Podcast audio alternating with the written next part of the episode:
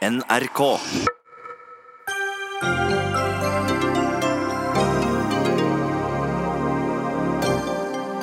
Små kommuner er fortsatt for små, det konkluderer ny rapport. Nå vil regjeringen betale for at småkommuner slår seg sammen, men får det resultater da? Kommunismen har alltid skapt sultkatastrofer, skriver Hanne Skartveit, politisk redaktør i VG, og møter Mimir Kristiansson fra kommunistpartiet Rødt til debatt. Næringsministeren sier han endelig skal få avklart hvordan dagligvarebransjen skal få holde på fremover. Så spiss ørene du som legger hjem tusener der hver eneste uke. Og trossamfunn som skremmer barn med helvete og bryter deres religionsfrihet, burde fratas støtte fra staten, mener forfatter. Feil medisin, som bare vil føre til isolering av frimenigheter og gå utover barna, svarer pinsevenn.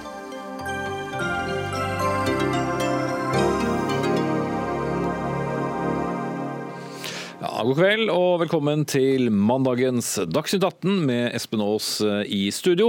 En sending der vi også senere skal eh, diskutere språktesting av barn i barnehage. Men vi begynner med noe som sjelden skjer i det stille nemlig kommunesammenslåinger.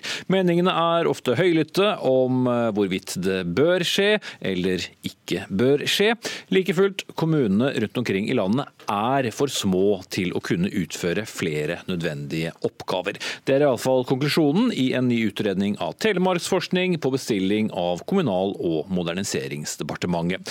Nå vil eh, statsråd Jan Tore Sanner gi penger til kommuner for at de skal ikke Jan Tore Sanner, men Monica Mæland for at de skal utføre sammenslåing. Vi skal straks ha en duell mellom Senterpartileder Trygve Slagsvold Vedum og Høyres Ove Trellevik, men først. I 2016 stemte Stavanger, Sola og Sandnes om en mulig sammenslåing. Overveldende flertall i Sandnes, og Sola sa nei. Eh, altså over, overveldende flertall begge steder. Stanley Virak, du er ordfører i Sandnes for Arbeiderpartiet, og jublet da din egen kommune stemte imot å slå seg sammen med Stavanger. Men nå som det foreslås å følge penger med, ville det da føles annerledes?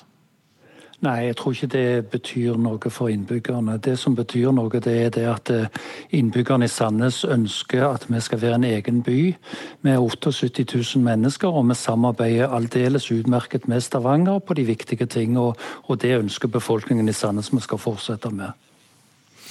Jon Petter Hernes, du er ordførerkandidat eh, i Stavanger for eh, Høyre. Sandnes og Sola sa altså nei i 2016. Er det fortsatt ønskelig å få til en sammenslåing? Ja, For oss i Stavanger der var det jo et, eh, et ganske bra flertall i befolkningen som ønskte en kommunesammenslåing. Eh, så det er klart, nå har vi hatt den runden. Jeg tror ikke det er aktuelt å, eh, å ta den runden om igjen, med mindre Sola eller Sandnes skulle ombestemme seg og, og ønske å gå i ny dialog. Så tenker jeg at nå må vi samarbeide så godt vi kan som selvstendige kommuner. Men så er det jo også sånn i forhold til kommune debatten at Stavanger slår seg jo nå sammen med to eh, mindre kommuner, Rennesøy og Finnøy, og lager en ny kommune. Eh, og Sandnes slår seg sammen med eh, Forsand, som òg er en mindre kommune. sånn at selv om de store kommunene på Nord-Jæren ikke slo seg sammen, så ser vi jo at små kommuner har valgt å slå seg sammen med henholdsvis Stavanger og Sandnes som større kommuner. Eh, sikkert med mål om å få bedre tilbud til sine innbyggere. Mm. Ja, eh, Det er jo lett å være pragmatisk, i hvert fall etterpå. Men, eh, men Hernes, hva er det folk i Stavanger forsto som folk på Sandnes og Sola ikke forsto?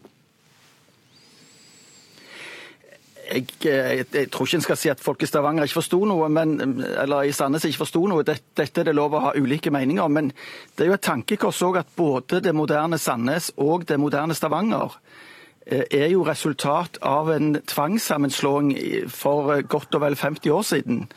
Eh, og Da ble vi altså slått sammen med tvang, og, og har utvikla en veldig sterk identitet både i Stavanger og Sandnes. og Ingen vil nok drømme om å si at de kommunene skal bli oppløst. Eh, og så er det nok sånn at Stavanger opplever nok i veldig stor grad at vi ikke konkurrerer med verken Sandnes eller nabokommunene, men vi konkurrerer med Oslo, Bergen, Trondheim og med Houston og Aberdeen. Eh, og at i en sånn sammenheng ville være en fordel å være en større og mer slagkraftig kommune. Mm. Men uh, Virak, dine tanker om at dette ønsket om å slå sammen kommuner kommer som en bumerang opp og opp igjen? Ja, og det er, jeg syns det blir litt uheldig. For det at når folk har uh, uttalt seg så veldig klart, så håper jeg at vi kan få ro om dette spørsmålet nå. Sånn at vi kan konsentrere konsentrere oss om å bygge gode samfunn, bygge gode byer. Og det er vi i ferd med. Nå hadde vi en, eh, en god prosess med sammenslåing, som Hernes sier. Vi skulle slå oss sammen med Forsand, og det gikk greit. Det var eh, mange i Forsand som syntes det var et uheldig vedtak, men ting begynte å falle til ro igjen. Og når ting var eh, i ferd med å komme til ro, så opplever vi altså at kommunalministeren går ut og dele opp gamle Forsand kommune og tar en del av det som skulle slås i sammen med Sandnes, og gir det til nabokommunen Strand.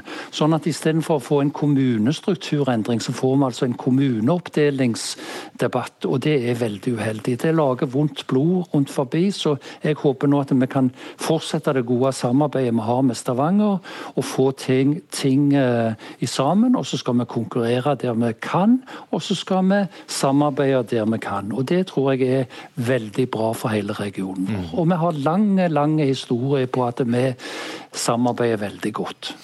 Sier vi takk til Sandli Virak, ordfører i Sandnes for Arbeiderpartiet, og Jon Petter Hernes, ordførerkandidat i Stavanger for Høyre. Og så skal jeg snu meg til deg, Ove Trellevik, stortingsrepresentant for Høyre og medlem av kommunal- og forvaltningskomiteen. Ja, vi trenger ikke all verdens uh, historie bak oss for å huske at det har vært noen ganske høylytte runder rundt uh, sammenslåing, og ikke minst det har vært folkeavstemninger, det har vært uh, ganske krevende og kostbare prosesser. hva skulle bli annerledes nå? Det er at ting må modnes. Jeg eh, opplevde det selv når jeg var ordfører. Så tok det litt tid å få både kommunestyret og innbyggerne til å modnes i disse prosessene her. Eh, og så ser vi at det, de får det til mange plasser, og folk blir begeistra og ser framover til å, å, å, skape nye og attraktive lokalsamfunn. Eh, og så er det fortsatt et stort behov, og, de, og det er erkjennelser blant mange kommuner òg, at vi må få lov å fortsette denne kommunereformen. Den rapporten som, som, foreligger, den peker jo på at over halvparten av eh, de 3000, eller kommunene med, med, med, med, under 3000 innbyggere mener sjøl ikke de leverer tjenester som dekker innbyggere innbyggerne sine behov. Så når vi da får eh, oppfordringer om at vi må videreføre kommunereformen og vi må prøve å styrke reformen, så, sånn at man opprettholder frivilligheten og opprettholder arbeidet med reformen, så, så, så bør vi jo ta innbyggerne på alvor. Ja, Ta innbyggerne på alvor. Så hvis ikke så mye har endret seg, og så mye ikke har modnet, som du eh, sier, så får man heller legge det bort? Nei, Det er ikke noen grunn til å, å, å legge dette vekk. Altså, det, det, utfordringene til Kommune-Norge går ikke over. Uh, og Når halvparten av de spurte kommunene sier det at de er ikke i stand til å levere tjenestene som innbyggerne har krav på, og de heller ikke klarer å, å løse utfordringene sine med interkommunalt samarbeid, kjøp av tjenester eller ansette folk sjøl, så må vi ta det på alvor. Og jeg, eh, jeg, ser ikke så veldig mange andre løsninger enn å finne enten gode interkommunale uh, samarbeid som på alle nivåer, skulle til å si, eller kommunesammenslåing. Mm. Så vi, vi, må tenke nytt. Eh, innbyggerne fortjener faktisk å få en kommune eh, som leverer tjenester, likeverdige tjenester til innbyggerne i hele landet. Mm. Vel, Trygve Slagsvold Vedum, eh, leder av Senterpartiet. Det at det nå snakkes om å la det komme litt penger og midler med til sammenslåingene, føler du at dette er å komme dere litt i møte, dere som har vært skeptiske til sammenslåinger? Det her er jo Høyre som ikke er fornøyd med den konklusjonen folket trakk. Når det var en stor diskusjon om kommunesammenslåing i forrige stortingsperiode, så sa kommune etter kommune nei. Innbyggerne i de ulike kommunene sa ja, vi ønsker å ha vår egen kommune, vi ønsker å tjenester nær folk. Men så er ikke Høyre fornøyd med konklusjonen. Og så skal de sette i gang nye, dyre byråkratiske prosesser. Der, det et, der Høyre alltid er ett svar. Det er stordrift og sentralisering. Og det er eh, sløsing med folks tid at Høyre nå skal sette i gang enda en sånn runde. Så du mener at uh, nå, nå, er vi ferdig med kommunesammenslåingen? Ja, altså Regjeringa har jo pressa kommunene helt voldsomt. Det har brukt enormt mange timer på seminarhotell. Det har blitt skrevet rapport på rapport. Det har vært sånn bonanza for konsulentbyråer og konferansehotell.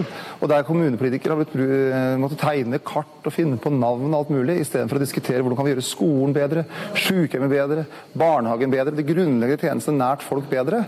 Så har regjeringa tvunget dem inn i tungrodde prosesser. Og når de har gjennomført de tungrodde prosessene, når de har konkludert, så er det på tide å gi kommunene arbeidsro, istedenfor at eh, Frp og Høyre skal sette i gang enda en ny sånn sentraliseringsrunde, som de nå vil. Trellevik. Altså, Det er jo litt, eh, litt, underlig her at ikke man ønsker å ta egentlig kommunene på alvor når de selv sier, og det kommer jo fram i rapporten òg, halvparten av kommunene under 3000 innbyggere mener de ikke er i stand til å gi kommunene de tjenestene de har krav på.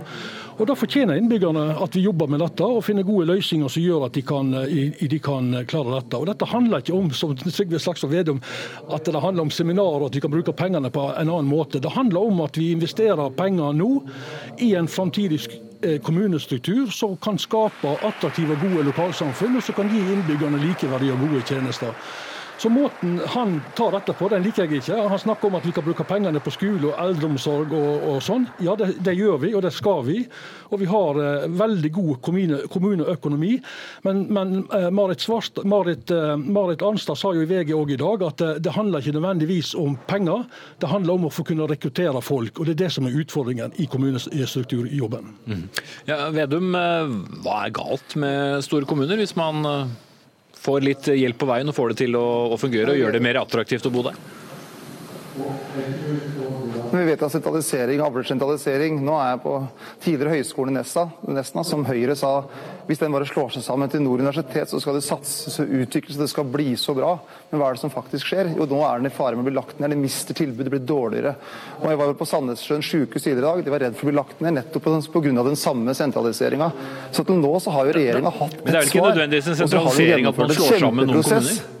Dette handler jo ikke om sentralisering, dette handler jo om kommunestruktur. Jo, altså, jo, men selvfølgelig er kommunestruktur sentralisering. Eller når dere tvangssammenslår Finnmark Finnmark og Troms. Nå 87 av befolkningen sa nei til tvang, og dere gidder ikke å høre på folk engang. Bare overkjører det. Selvfølgelig er det sentralisering. Og så vet man også i mange av de små kommunene er man mer fornøyd med tjenestene enn mange av de store. Ja, Trygve, dette blir bare rør. Eh, eh, det er ikke tilfellet det du sier. Det handler, dette her handler om kommunestruktur. Det handler ikke verken om fylke eller politireformer eller andre reformer. Det skyver reformene framfor deg, istedenfor å få tak i utfordringene som innbyggerne i mange kommuner har. Og Når kommunene sjøl erkjenner at de har utfordringer med å levere tjenester, så bør vi lytte til dem. Og Du sier det at ikke vi lytter til dem. Jo da, vi lytter til dem. Innbyggerne i Fet sa 60% ja til kommunesammenslåing. Vi sto de sammen, men kommunestyret sa nei. Så vi lytter til innbyggerne våre. Eh, og, og, vi ønsker å videreføre denne kommunereformen nettopp fordi at både innbyggerne og lokalpolitikere ber om at vi viderefører reformen. Vedum. Men innbyggerne hadde, hatt, en kjempeprosess nå i forrige periode. Det var folkeavstemning etter folkeavstemning som ikke Høyre ville. for det frykter man. Og så var det innbyggerundersøkelser. Og folk i kommune etter kommune sa ja til sin egen kommune og ønska å satse lokalt. Og så er ikke Høyre nasjonalt fornøyd med den konklusjonen man trakk lokalt. Og så skal man sette prosessen i gang igjen. Og vi veit det skaper byråkrati, uro og usikkerhet. Nå hadde kommunene trengt arbeidsro for å få bedre skole, få bedre sykehjem, og ikke den der sentraliseringspolitikken som gjør at det er mange hundre bak meg nå som roper at det er nok sentralisering her på Helgeland. Og det opplever vi nå rundt i hele landet. Folk er lei av politikken vil ha tjenester nær folk, og ikke mer sentralisering, sånn som dere Høyre kjører på. Ja, jeg vet ikke om det er protestviser som spilles i bakgrunnen hos deg der, Trygve Slagsvold Vedum. Musikk er det i hvert fall. Mis, mislykka politikken til Høyre. så da. Eh, men, men Trellevik, altså går det en grense? Eh, ja, vi skjønner at eh, regjeringen mener det er riktig å sammenslå mindre kommuner, altså kommuner på under 3000 innbyggere. Men det er vel også en, en tålegrense for altså Enten må man bare bestemme at de skal sammenslå, eller så blir det en lang pingpong mellom stat og kommune om hvordan denne kommunestrukturen skal være. Hvis vi skal, som du sier, høre på innbyggerne.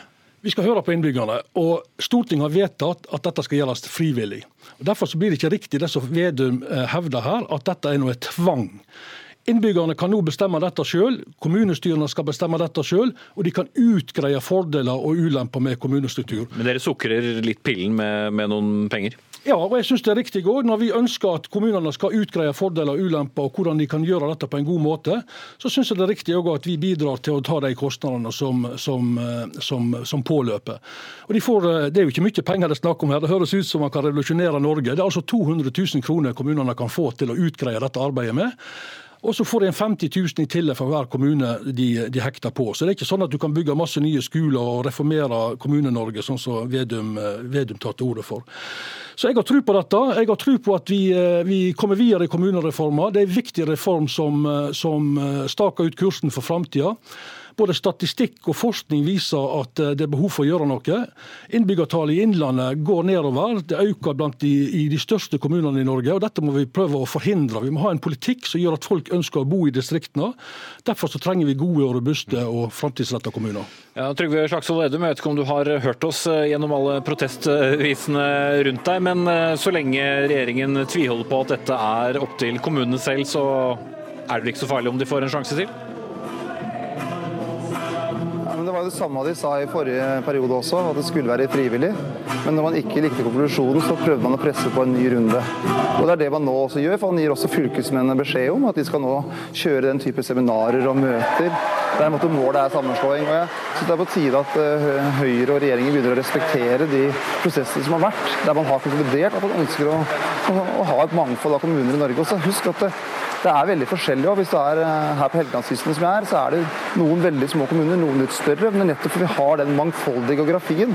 Og vi trenger, hvis vi skal ha et mangfoldig land, så vil det også være et mangfold av kommuner. Og det har vært et gode for Norge at vi har hatt det mangfoldet. Også kommunevalget til høsten, så må jo alle kandidater synliggjøre da, om de ønsker at sin kommune skal bestå, eller om den skal nedlegges. Så folk kan ta stilling til det i høstens valg.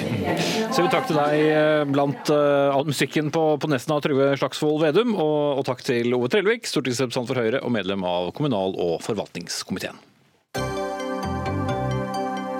Dagsnytt 18 alle hverdager kl 18.00 på NRK P2 og NRK2.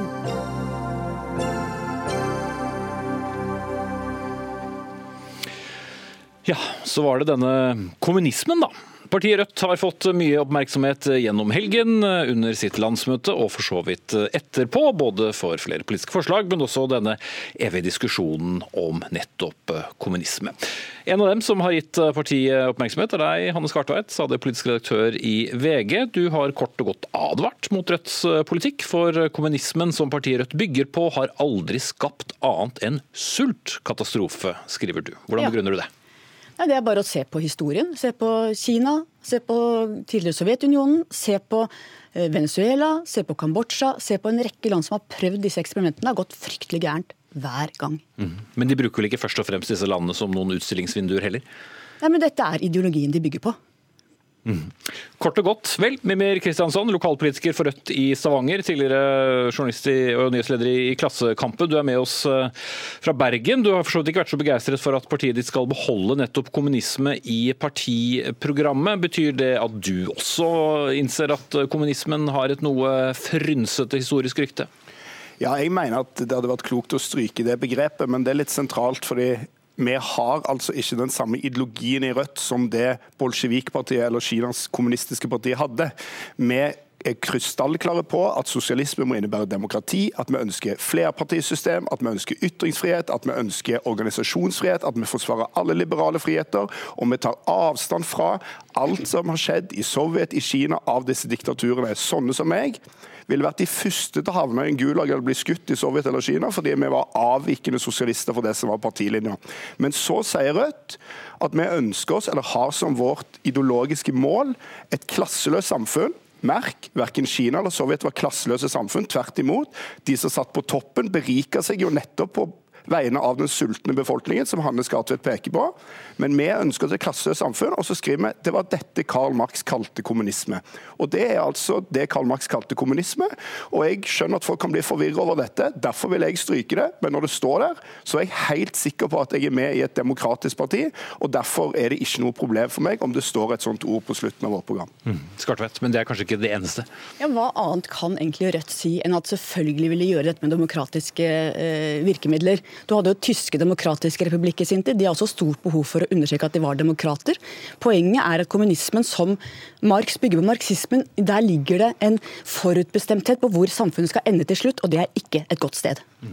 Men så vil jo noen si at uh, hva for så vidt Sovjet leste inn i kommunismen, er som hva Kirken kanskje har lest inn i, i, i kristendommen. Uh, det er ikke noe det er ikke, det er, Nei, sammenlignet så vel en amerikansk folkesanger sa, men poenget er jo uh, f.eks. Das Kapital da, er vel ikke noen instruksjonsbok i hvordan man bygger en nasjon. Det er vel først og fremst et, et teoretisk grunnlag. De som leser Kapitalen, jeg har lest, det, har sikkert også Mimir lest Kapitalen, det er forutbestemt hvordan ting vil gå med at eh, arbeid, arbeidsgiverne henter ut eh, profitt fra sine arbeidere. Etter hvert så vil det bli mer og mer effektivisert, og så vil det bli større og større eh, ting. Og så blir det revolusjon, og så blir det det klasseløse samfunnet der. Det er forutbestemt. Det er jo hele mekanikken i Karl Marx. Og det er det Rødt står for. Jeg syns det er rart at så mange ikke ser bak den fasaden hvor de prøver å sminke det som faktisk er en farlig ideologi. Mm, Altså, det er jo Hanne Skartvedt som er den mest mekaniske av alle. fordi Hun sier jo at uansett hva Rødt måtte si eller mene, så nekter jo Hanne Skartvedt å tro oss på det. Hun påstår at hun vet best hva Rødt mener og vil. Jeg sier til deg, Hanne Skartvedt nå, jeg ønsker meg flerpartisystem i Norge. Jeg er sterkt kritisk til Sovjet og Kina. Jeg har vært det hele livet. Jeg ble født tre år, jeg var tre år gammel når Berlinmuren falt. Jeg ønsker meg at private kan eie små firmaer, men jeg ønsker meg altså også en reform av det systemet vi har i dag, sånn at vi får et sosialistisk system. Vi går bort fra kapitalismen, som betyr ufrihet og sult mange steder i verden, og skape et mer rettferdig system. Og Da må du svare på meg, Hanne Skartveit. Tror du jeg lyger? Og jeg vil ha diktatur, men jeg lyger for deg nå? Eller tror du jeg er så dum at jeg ikke skjønner hva jeg er med på, men det vet du bedre enn meg. Men da er det interessant Mimir, at du er med i et parti hvor du ble nedstemt, hvor, man, hvor du ville ha bort kommunismen. Det kan jo hende du har rett i at hvis Rødt får makta, så vil sånne som deg bli sendt av gårde først, for du vil jo ha bort det som resten av partiet stemte for. Men Hanne Skartveit, vet du hva som skjer i, i ekte kommunistpartier og den typen du nevner? Der blir ikke ledelsen nedstemt. Der er det ikke uenighet som diskuteres i avisene. Der er det ikke åpen diskusjon. Dette var det ikke i AKP, dette var det ikke i NKP, dette var det ikke i Sovjets kommunistparti eller Kinas kommunistparti. Men Rødt er noe annet. Rødt er et demokratisk sosialistisk parti som ønsker seg en annen og mer rettferdig verden, der ikke en bitte liten elite på åtte mennesker eier like mye som den fattigste halvparten. Og Det kan du være uenig i. Du skriver jo i VG at uh, å oppheve kapitalismen er å oppheve det frie mennesket. Ja, Gå og fortell det til sweatshopene i Bangladesh. Gå og fortell det til de som sulter over hele verden. Det er ikke noen automatisk sammenheng mellom kapitalisme og frihet. Vi ønsker å bygge videre i Rødt på arbeiderbevegelsens tradisjoner i Norge, rike tradisjoner. Og vi ønsker oss en annen form for politisk og økonomisk system enn vi har i dag. Men med demokrati, stemmerett, med ytringsfrihet, med flerpartisystem. Og altså det motsatte av det Sovjet og Kina var. For det vet jo du, Hanne Skartveit. Der var det verken demokrati, ytringsfrihet eller flerpartisystem. Eh, før Skartveit får det ordet, så vil jeg bare da spørre, for nå har du poengtert eh, hva, dere, hva slags land dere ikke ligner på, eh, Kristiansson. Men finnes det noen slags utgangspunkt av noe land i dag som ligner på det Rødt vil oppnå? Ja. Altså, Vi sier jo at Norge og Sverige og Danmark er de landene som har kommet lengst i den retningen vi ønsker. Så er Det jo mange ting, det er jo ikke noe tvil om at Rødt har radikale visjoner og vil gjøre ting annerledes. Men f.eks. i Norge, da, for å ta vår tradisjon. I Norge har vi bestemt at oljesektoren, det gjorde vi på starten av 70-tallet, den skal kontrolleres av staten. Det er ikke opp til private å bore etter olje. Hanne Skartvedt skriver jo i sin kommentar at hun ikke skjønner hvordan folket gjennom politikerne skulle kunne styre Equinor. Men det må jo være et politisk hukommelsestap av en helt, helt annen verden. For det gjorde jo folk gjennom politikere i Norge, når det da altså het Statoil, i mange tiår. Vi har i Norge store bedrifter, Coop f.eks., for forbrukersamvirke osv. Vi vil bygge videre på disse tradisjonene. Så vi skal utvikle det Norge vi kjenner i dag? Utvikle det Norge vi kjenner i dag, og bygge videre på den tradisjonen arbeiderbevegelsen har. Arbeiderbevegelsen i Norge har vært sosialistisk. Den har tidvis også vært kommunistisk i perioder, men det begynner å bli lenge siden det var en stor retning. Men vi okay, bygger altså videre der, på det. Eh, Kristiansson. For en historieforfalskning. For det første, Equinor, tidligere Statoil, var en statseid bedrift i et kapitalistisk samfunn. For det andre, når Mimmi Kristiansson nå prøver å snakke om at Norge er det nærmeste, det er utviklet av sosialdemokrater og andre innenfor en demokratisk kontekst. Det var venstre, den demokratiske venstresiden ved sosialdemokrati som har sørget for at du har fått en regulering, høyt skattenivå, det som nå eh, Mimmi prøver å få æren for. Og så snakker altså, jeg har lagt merke til Mimmi, du snakker som om det er ikke kommunisme, for dere er ikke et kommunistisk organisert parti. I min verden handler ikke kommunisme om hvordan dere organiserer partiet deres, men om hvordan kommunismen skal organisere samfunnet. Det er jo det det handler om her, og da går det gærent hver eneste vei. Og så bare én ting om kapitalismen. Før kapitalismen, i føydalsamfunnet, så var man født enten til tjener eller til herre med kapitalismen og folk kunne tjene egne penger, finne opp egne ting, så var det en vei ut hvor det var evner, energi, det man ønsket å gjøre, som ga mennesker frihet til å skape sine egne liv. Dette Hanne Skartvedt sier til slutt her, er jo en veldig interessant kapitalistisk livsløgn, nemlig at det er evnene og energien som avgjør om du er rik eller fattig under kapitalismen. Det finnes så mange mennesker som står på og gjør livsviktige jobber både i dette samfunnet og andre land, som overhodet ikke får ta del i fruktene av de verdiene de skaper. Mens hvis noen som sitter på toppen, kanskje noen av de har vært heldige, kanskje noen av de jobber hardt, men mange av de har jo bare arva og de har ikke hatt noen andre evner enn å tilfeldigvis være født som sønner og døtre av sine foreldre. Og så er det dette Hanne Skartvedt sier nok en gang bare om den norske arbeiderbevegelsens historie. Du må vise meg, Hanne Skartveit, de 1. mai-togene på 1910-tallet, 20-tallet, 30-tallet, 40-tallet, 50-tallet, 60-tallet, 70-tallet, der den norske arbeiderbevegelsen gikk i tog for kapitalismen. Du må vise meg LOs og Arbeiderpartiets programmer fra tiårene vi snakker om her, der de har hyllet kapitalismen. Det vet du at du ikke kan, for du vet hva som står i de programmene. Det står at vi skal utvide demokratiet til å gjelde økonomien. Det står, med, ofte med et klasseløst samfunn som mål, har det også stått i perioder. Det står at vi ønsker oss sosialisme. Og Den tradisjonen bygger Rødt videre på. Det er ikke det samme, selvfølgelig. Vi er jo mer radikale enn det Arbeiderpartiet var med. Men vi ønsker jo altså å bygge videre på noen av de samme tradisjonene. Og din historieforfalskning av det kan altså ikke stå uimotsagt. Du må bare gå og lese prinsipprogrammer i okay, Nå må jeg slenge ut punktet punktum avsnittet et hos deg, Kristiansand, og så skal Skartvedt fòre. Jeg er enig i mye av kritikken Rødt retter mot kapitalismen, mot forskjellssamfunnet. VG f.eks. Vi stiller oss der vi er for å innføre arveavgiften igjen. Poenget er at den kritikken kommer fra veldig store deler av norsk politikk som er innenfor det demokratiske rammeverket, som ikke er revolusjonære, som ikke ønsker en fullstendig omveltning. Det er av folk som ønsker å reformere kapitalismen. Det er det som har gitt oss det gode samfunnet vi lever i i dag. Mm. Kort til slutt, Kristiansson. Eh, denne moderate versjonen da av, av Rødt trenger man det da, hvis vi allerede har et sosialistisk eh, venstreparti?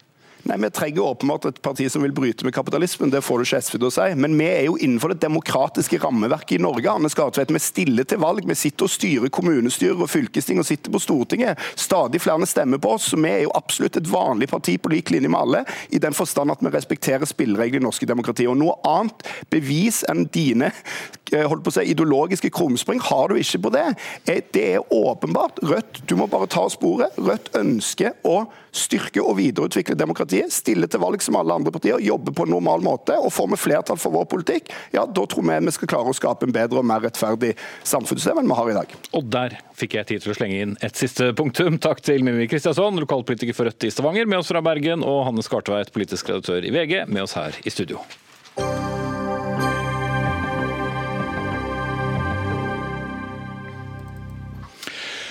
Hvorfor betaler vi mer for maten, mens bøndene sier de får mindre for det de produserer? Næringsministeren har varslet den store gjennomgangen av dagligvarebransjen. Hva han forsøker å finne ut, skal vi snakke om litt senere i sendingen.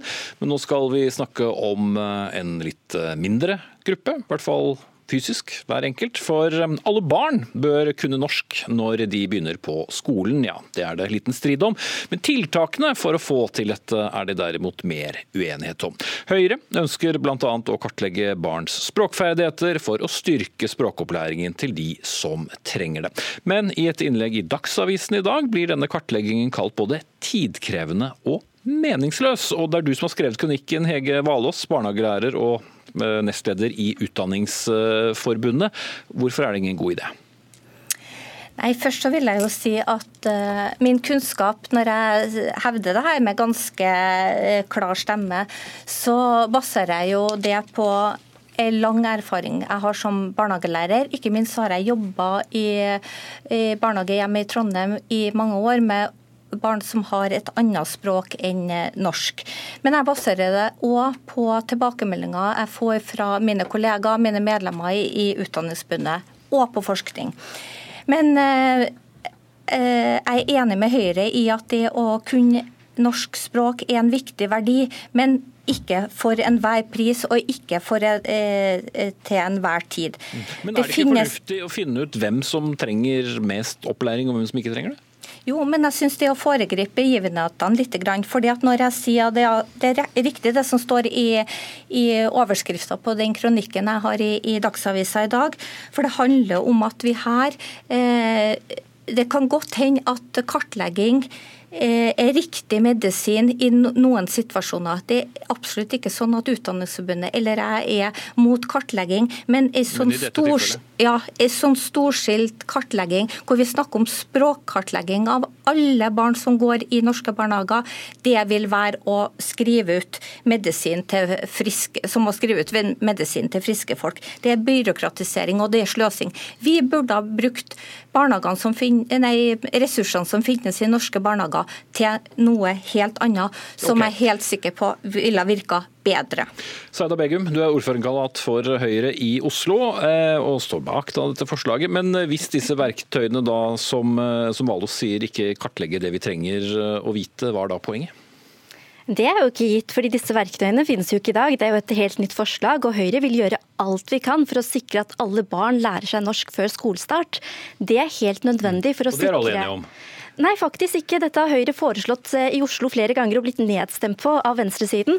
Og vi mener at det er helt nødvendig for å sikre at sosiale forskjeller ikke går i arv. Og så er det jo slik at dagens system hvor bare noen barn kartlegges, det fungerer jo åpenbart ikke godt nok når en fjerdedel av barna som starter i første klasse i Oslo i dag, ikke kan godt nok norsk til å forstå hva læreren sier. Mm. Men, men, la oss prøve å være så konkret vi kan da, Begum, for å få alt til. Altså, hvordan, hva slags verktøy skal vi bruke? Hvordan skal vi se for oss at dette da skal fungere i en, eh, i en barnehage i, i, Tromsø eller Oslo eller eh, på, på landsbygda? Dette handler jo om én ting, og det er systematisk observasjon. Det er systematikken som mangler i dag. Og når man ikke kartlegger absolutt alle barn, så er det også veldig enkelt at enkelte barn ikke fanges opp i tide og får nødvendig hjelp i tide. Vi vet f.eks. at barn som er sjenerte og innesluttet, de deltar mindre i lek. Og det er vanskeligere å oppdage lærevansker hos de.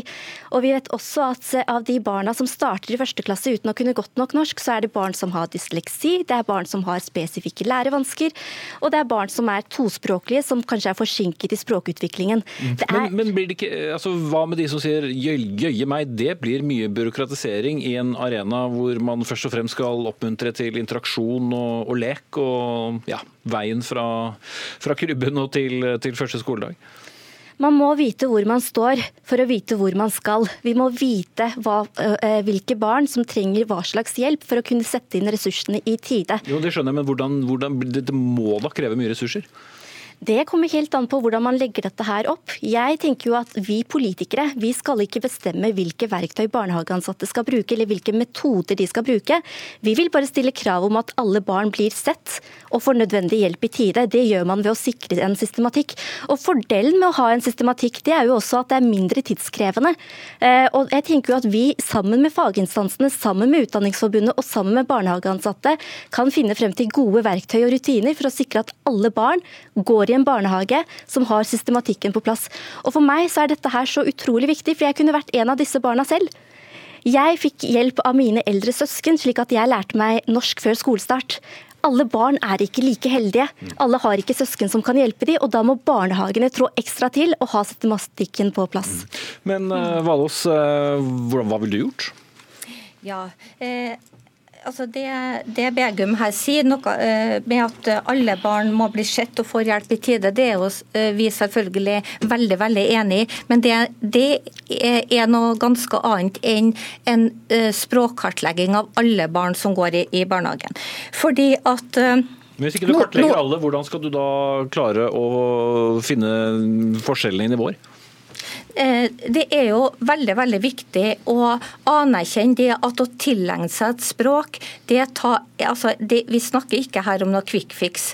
Og det å tilegne seg uh, andre språk f.eks., det tar mellom tre og fem år. Det er veldig mange av de barna her som Høyre med rette er opptatt av. De har ikke så lang barnehageerfaring i hele tatt. Så det første eh, vi må gjøre, det er å ha tålmodighet og en respekt både for det barnet, men òg for eh, den krevende prosessen det faktisk er å lære språk. Jo, men Det skjønner jeg, men Eh, hvordan ja. skal man likevel klare å finne ut hvem som da trenger bedre språkopplæring enn de som eventuelt ikke trenger det, og sånn at Ja. de skal stille noenlunde likt den dagen de begynner på skolen? Mm. Begum er jo inne på noe her sjøl. Eh, snakk om og det å bli sett. Det et viktig element her som handler om tid. Det handler om barnehagelærere som har nok tid til å være i dialog, til å være i samtale, til å være og ha systematiske observasjoner. Det til å tilrettelegge gode språkmiljø, sånn at det kan bidra til god språkutvikling for alle barn. Ja, så skal Så- systematiseres da på en eller annen måte, men det skal ikke inkludere alle, eller? Jeg er helt enig i at norske barnehager eh, Det er mange steder hvor vi har eh, mye å gå på når det gjelder godt språkarbeid. Men jeg tror det er å begynne helt feil ende hvis man tenker at en systematisk kartlegging eh, i form av en språktesting av alle barn er rette medisin å foreskrive. Det handler om tid, det handler om kompetanse. Det handler ikke minst om kunnskap og hva som er, er, godt språkmiljø. Og det handler ikke minst om å legge til rette for at barn faktisk har noe å snakke om og snakke sammen om. Så, Ja.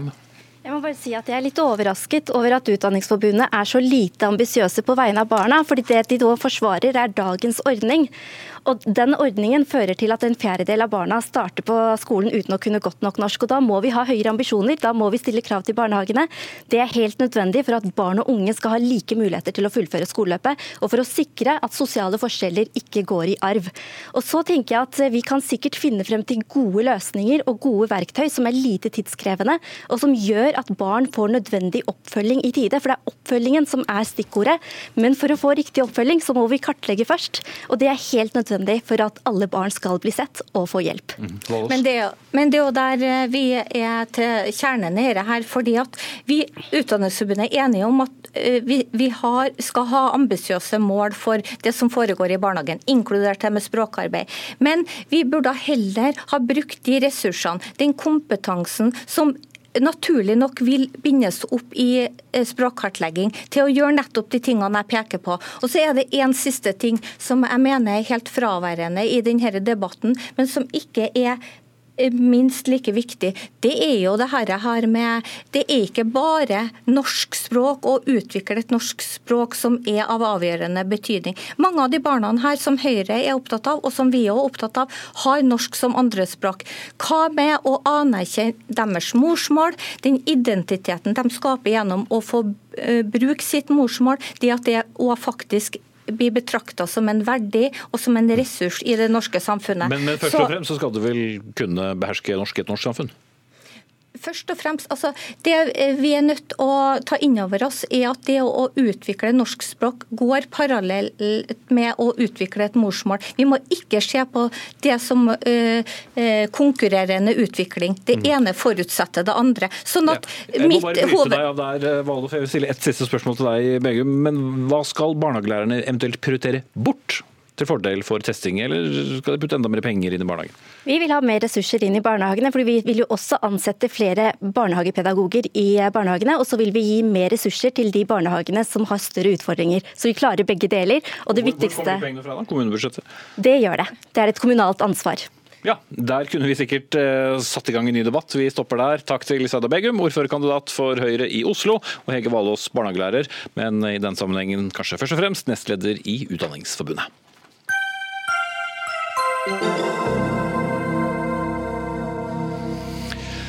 Det er eh, ikke forsvarlig at eh, skattebetalere skal delfinansiere skremsler og demonutdrivelser mot barn. Man kan ikke fortsette eh, å få ødelagt barnesinn i religionsfrihetens navn. Det sier blogger og foredragsholder Anders Torp, som vil forby helvetesforkynnelsen i kristne miljøer. I en kronikk i Dagbladet så skrev du nylig at eh, helvete brenner under barns føtter. Hvorfor valgte du å skrive dette? Nei, Det er jo ganske opplagt i trossamfunn som uh, forkynner helvete til barn. Uh, og som barn gjør. De spør og de graver, de lurer på hva helvete er. Og de oppdager det at det er et inferno av ild som brenner. som venter på at de skal bli straffa i en evighet om ikke de tror på hva trossamfunnet sier. Eh, det er noe som er veldig alvorlig, som jeg ser på. At trossamfunn får lov til å forkynne dette til barn, eh, og at de appåtil er skattebetalere som eh, betaler skattepenger som delfinansierer disse rettighetsbruddene. For det er et klart brudd på religionsfriheten. Jeg skal bare legge til at du også driver Facebook-gruppen Stans rettighetsbrudd mot barn, og at du selv har oppvokst da i en strengt religiøs menighet og vært medforfatter i boken 'Jesus-soldaten' om dine erfaringer. Men vet du noe om omfanget? Altså hvor ofte ofte barn da utsettes for dette som du beskriver? Det finnes ikke noe forskning på det, men NRK har i en artikkel som baserer seg på en, et omfattende forsknings, forskningsundersøkelse, eh, stadfestet det at én av ti nordmenn eh, tror på helvete. Og Når én av ti nordmenn gjør dette, så er det jo vanskelig å si hvem, hvor mange av det er, er, barn. Men det er jo rimelig å anta at det er veldig mange barn som tror på dette. Mm. Mats Skaar, du er medlem i pinsebevegelsen, eh, også tidligere politiker i KrF. Du har jo også din oppvekst fra et strengt religiøst eh, miljø. Du er kanskje enig i at de, ikke, barna, de minste bør møtes med skremsler om å havne i både skjærsild og helvete? Ja, absolutt. Altså, man skal ikke skremme barn om helvete. Jeg mener at man skal ikke undervise barn om helvete.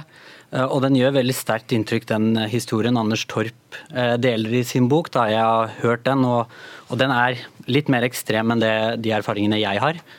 Allikevel så reagerer jeg lite grann på den intoleransen som jeg synes Anders Torp viser uh, når han da først vil uh, kutte statsstøtten, og så har han da skrevet dette oppropet om at han vil avsette Kjell Ingolf Ropstad som barne- og familieminister. og han Eh, han argumenterer i kronikken sin med at eh, Kjell Ingolf er opplagt inhabil fordi pga. sin kristne ståsted.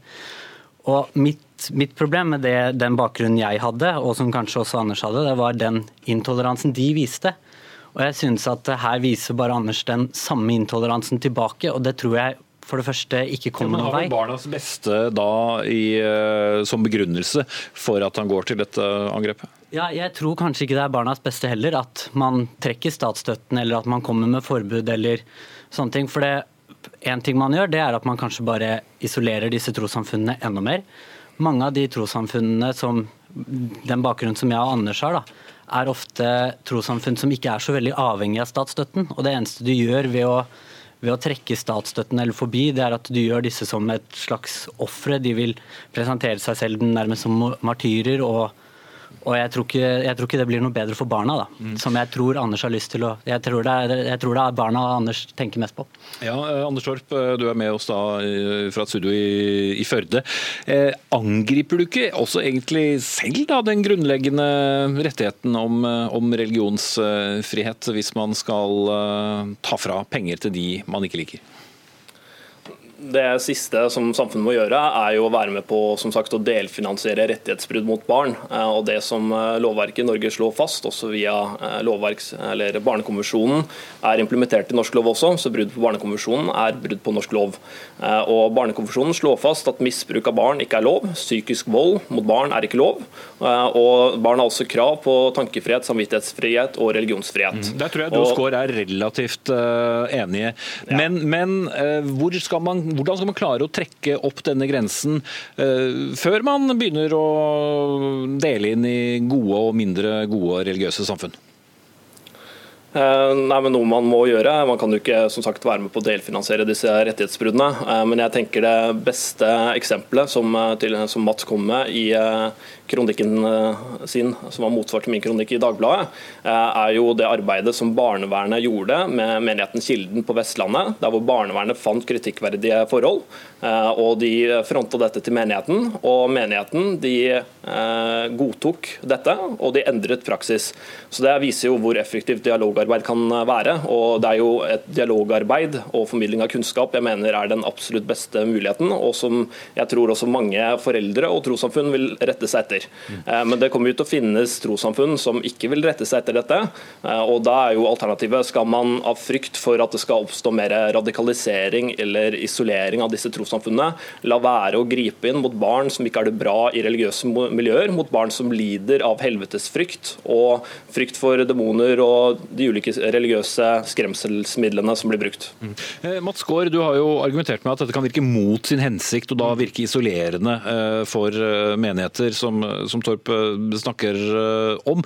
Men det er vel nettopp det som kanskje er problemet i dag? At man har for lite tilsyn og for lite oppsyn med en del menigheter? Ja, og menigheter og barne, barnevernet og menigheter burde samarbeide. Det skulle vært en selvfølge. og jeg mener også at de debattene vi har hatt de siste årene, sånn som dette her, har ført til at eh, bl.a. pinsebevegelsen og andre bevegelser har åpnet opp for barnevernet og vil samarbeide med dem. Det syns jeg er veldig eh, bra.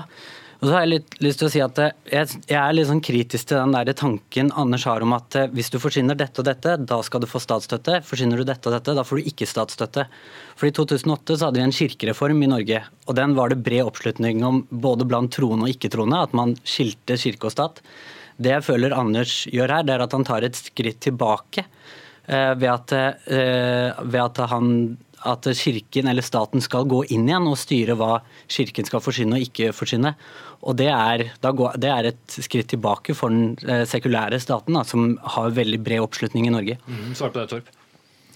Nei, Det er jo helt opplagt at det ikke burde være forkynnelse som barn tar skade av i noe som helst trossamfunn. Eh, trossamfunn burde ikke nevne helvete overhodet, eh, fordi helvete i seg selv er skremmende for barn. og Da har ikke barn religionsfrihet når de har alternativet å være en kristen eller å komme til helvete. Det er eh, motsatt av frihet. Ja, Skår, kan man forkynne å ha med barn inn i religiøse samfunn uten et, eh, et helvete eller en djevel og kun en himmel? Ja, altså, det, Slik jeg opplever det, så er de fleste, eller alle, jeg tror alle kristne ledere jeg vet om, er veldig opptatt av at uh, kristne budskapet skal forsynes trygt for barna. og så uh, trår noen feil, og i Anders Torp sitt uh, tilfelle så har det jo gått til det helt ekstreme. Og det jeg vil si Når jeg hører hans historie, så forteller han bl.a. en historie om demonutdrivelse hvor man gned salt i sårene til en fyr. Eh, eller en jente som drev med selvskading, om jeg ikke husker feil. og eh, det er straffbart, det er vold, det er tortur. og da mener jeg Det hjelper jo, ikke da å trekke statsstøtte. Er ytterpunkt, men ja, men Det hjelper ikke da å trekke statsstøtte. Altså, da skal de straffes, da skal de fengsles. og Dette var vel en utenlandspredikant, og da tenker jeg da kan de sendes ut av landet og ikke Eh, komme tilbake. Jeg jo, jo, men, men, poenget da til, til Torp om å, om å, holde helvete unna uh, barna, i hvert fall en, den skremmende visjonen om at der kan, kan du havne, fordi et barns forståelse av religion er ganske annerledes enn de aller fleste voksne, i alle fall. Vil man miste noe med det? Ja, altså jeg, jeg, jeg mener at man skal holde det unna barna. Man skal ikke skremme barn med helvete. Men å bruke Eh, statsstøtten på det, det mener jeg er et skritt tilbake for en sekulær stat som ikke skal legge seg opp i hva eh, som forsynes altfor mye i altfor stor grad. og ja. ja. Eh, siste ord fra deg, Anders Torp. Fordelen med å frata statsstøtte er jo at staten for det første ikke delfinansierer disse rettighetsbruddene. Og det gir også en belønning til de trossamfunn som det finnes flere av, som følger Barnekonvensjonen og som ikke skaper sånne ja, ting som kan føre til eh, psykiske lidelser for barn. Eh, og Fordelen er å ja, fordelen er, eh, beklager, eh, fordelen er også det at når eh, det er noen som blir belønna og noen som følger loven, så vil de få mer trolig oppslutning framfor de trossamfunnene som bryter Barnekonvensjonen. Vi kan ikke ta den debatten. Takk til Mats Gaard, medlem av Pinsbevegelsen, og Anders Torp, forfatter og blogger. Hør Dagsnytt 18 når du vil. Radio NRK Radio.nrk.no.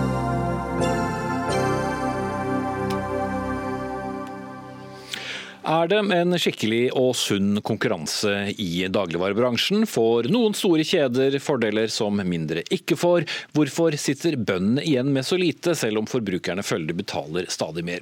Spørsmålene, og noen vil kanskje også hevde mytene om norsk dagligvarehandel er mange. Og mange en ansvarlig statsråd har også forsøkt å komme til bunns i mange av dem.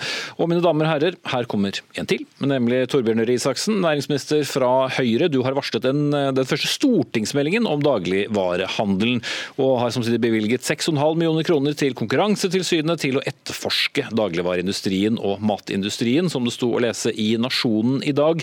Underforstått, her er det ting som må bringes på det rene, og hva da?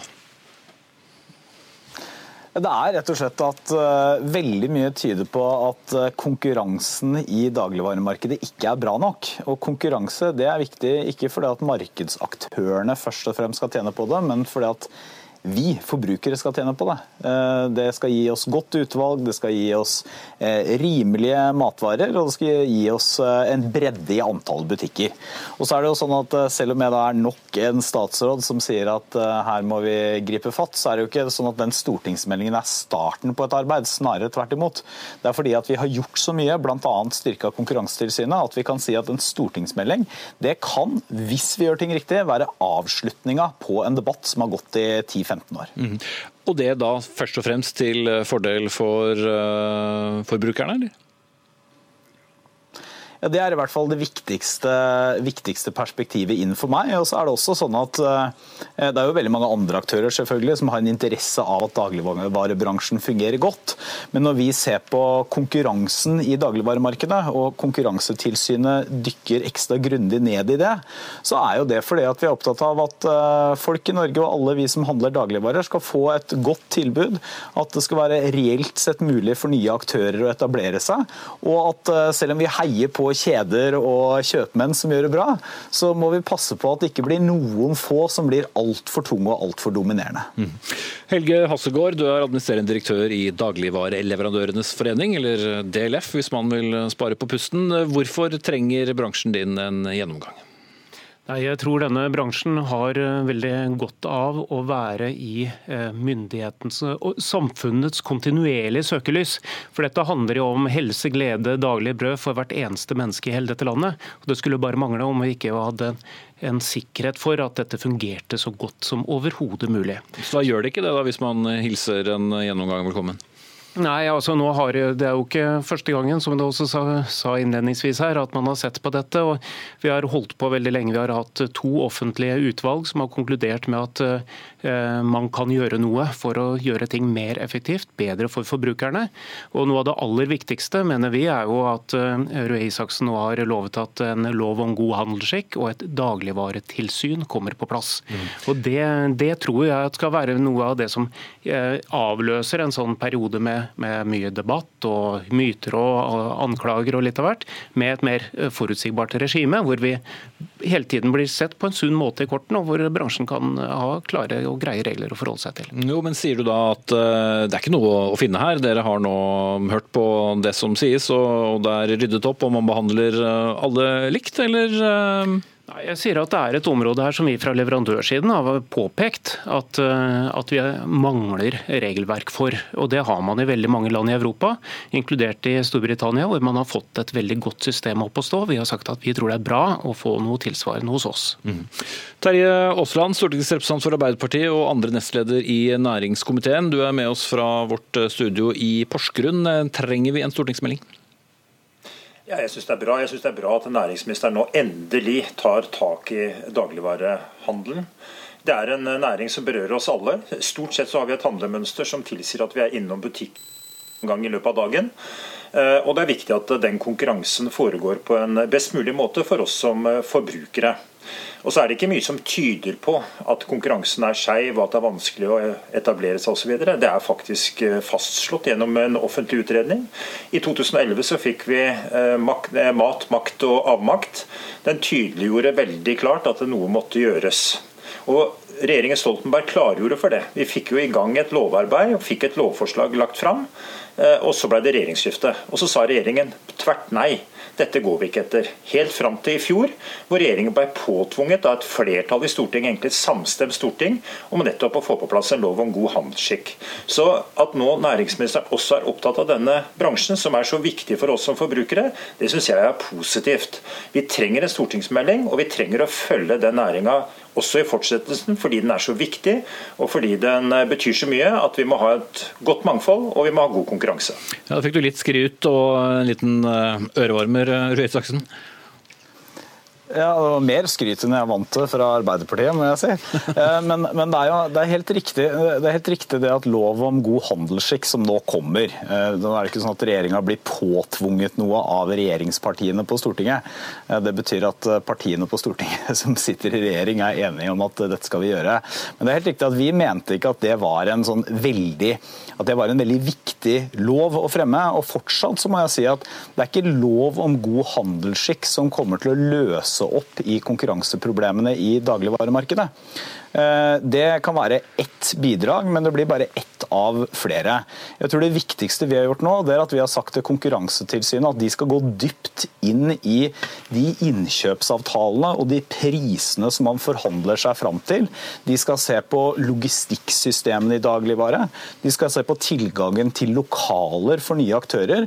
Og så skal de se om summen av det til sammen er innenfor det som er dagens regelverk, dagens uh, reguleringer av konkurranse konkurransen i et hvilket som helst marked. Og hvis det ikke er det, hva skjer da? Sagt at, ja, bare, bare ta det først, Isaksen. Ja, nei, det, det, er det som ja, det er det, det er det, jeg skulle svare på nå. Okay. Eh, fordi eh, Det er det første, og det er den jobben som må gjøres med en gang. Men så er det også sånn at det kan godt hende at det er eh, helt, helt lovlig. Altså Det er ikke noe lovbrudd her som Konkurransetilsynet vil forfølge, men at det allikevel er gode grunner til å se om vi trenger andre regler på, på, for å styre dagligvaremarkedet. Bl.a. for å få den konkurransen og de nyetableringene som trengs. Og Det skal vi jobbe med helt samtidig. Så når jeg sier at vi skal komme med en stortingsmelding i 20 2020 så er det viktig å si at det er ikke, det er ikke sånn at vi skal begynne med det. Dette har regjeringa holdt på med i flere år, også under forrige næringsminister. Men håpet mitt er at den stortingsmeldingen skal være en slags avslutning på et arbeid som har eh, vart under flere regjeringer, en debatt som har vart veldig lenge. Ok, Aasland og så Hasselgaard. Ja, men eh, Røe Isaksen, også, den, Det er din regjering som stoppa alt arbeid når det gjaldt uh, konsentrasjonen om, om, makt i dagligvarebransjen. Det var ikke mange initiativer å se, det var faktisk ingen. Så er det sånn at Dere har gradvis blitt pålagt av Stortinget å, å, å, å ta denne hansken videre. Uh, og Det er dere nå påtvunget å gjøre. for Det ligger et veldig samstemt storting som sier at dere skal utarbeide en lov om god handelsskikk. Okay, det var historikken denne gang. Men bare ta, ta litt videre. for Det skal også etableres et eget tilsyn et eget tilsyn som vi i Stortinget faktisk påla regjeringen å gjennomføre, fordi Konkurransetilsynet så langt hadde visst liten eller ingen oppmerksomhet om dagligvarebransjen. Og Så er det noen andre tiltak som også eh, Røe Isaksen nevner, dette med distribusjon, dette med eiendomsetablering osv. Men alt er jo pålagt og allerede nevnt og drøfta av Stortinget, så han gjør jo bare jobben sin. Hvis ikke så skal vi si, parkerer han Stortingets vedtak.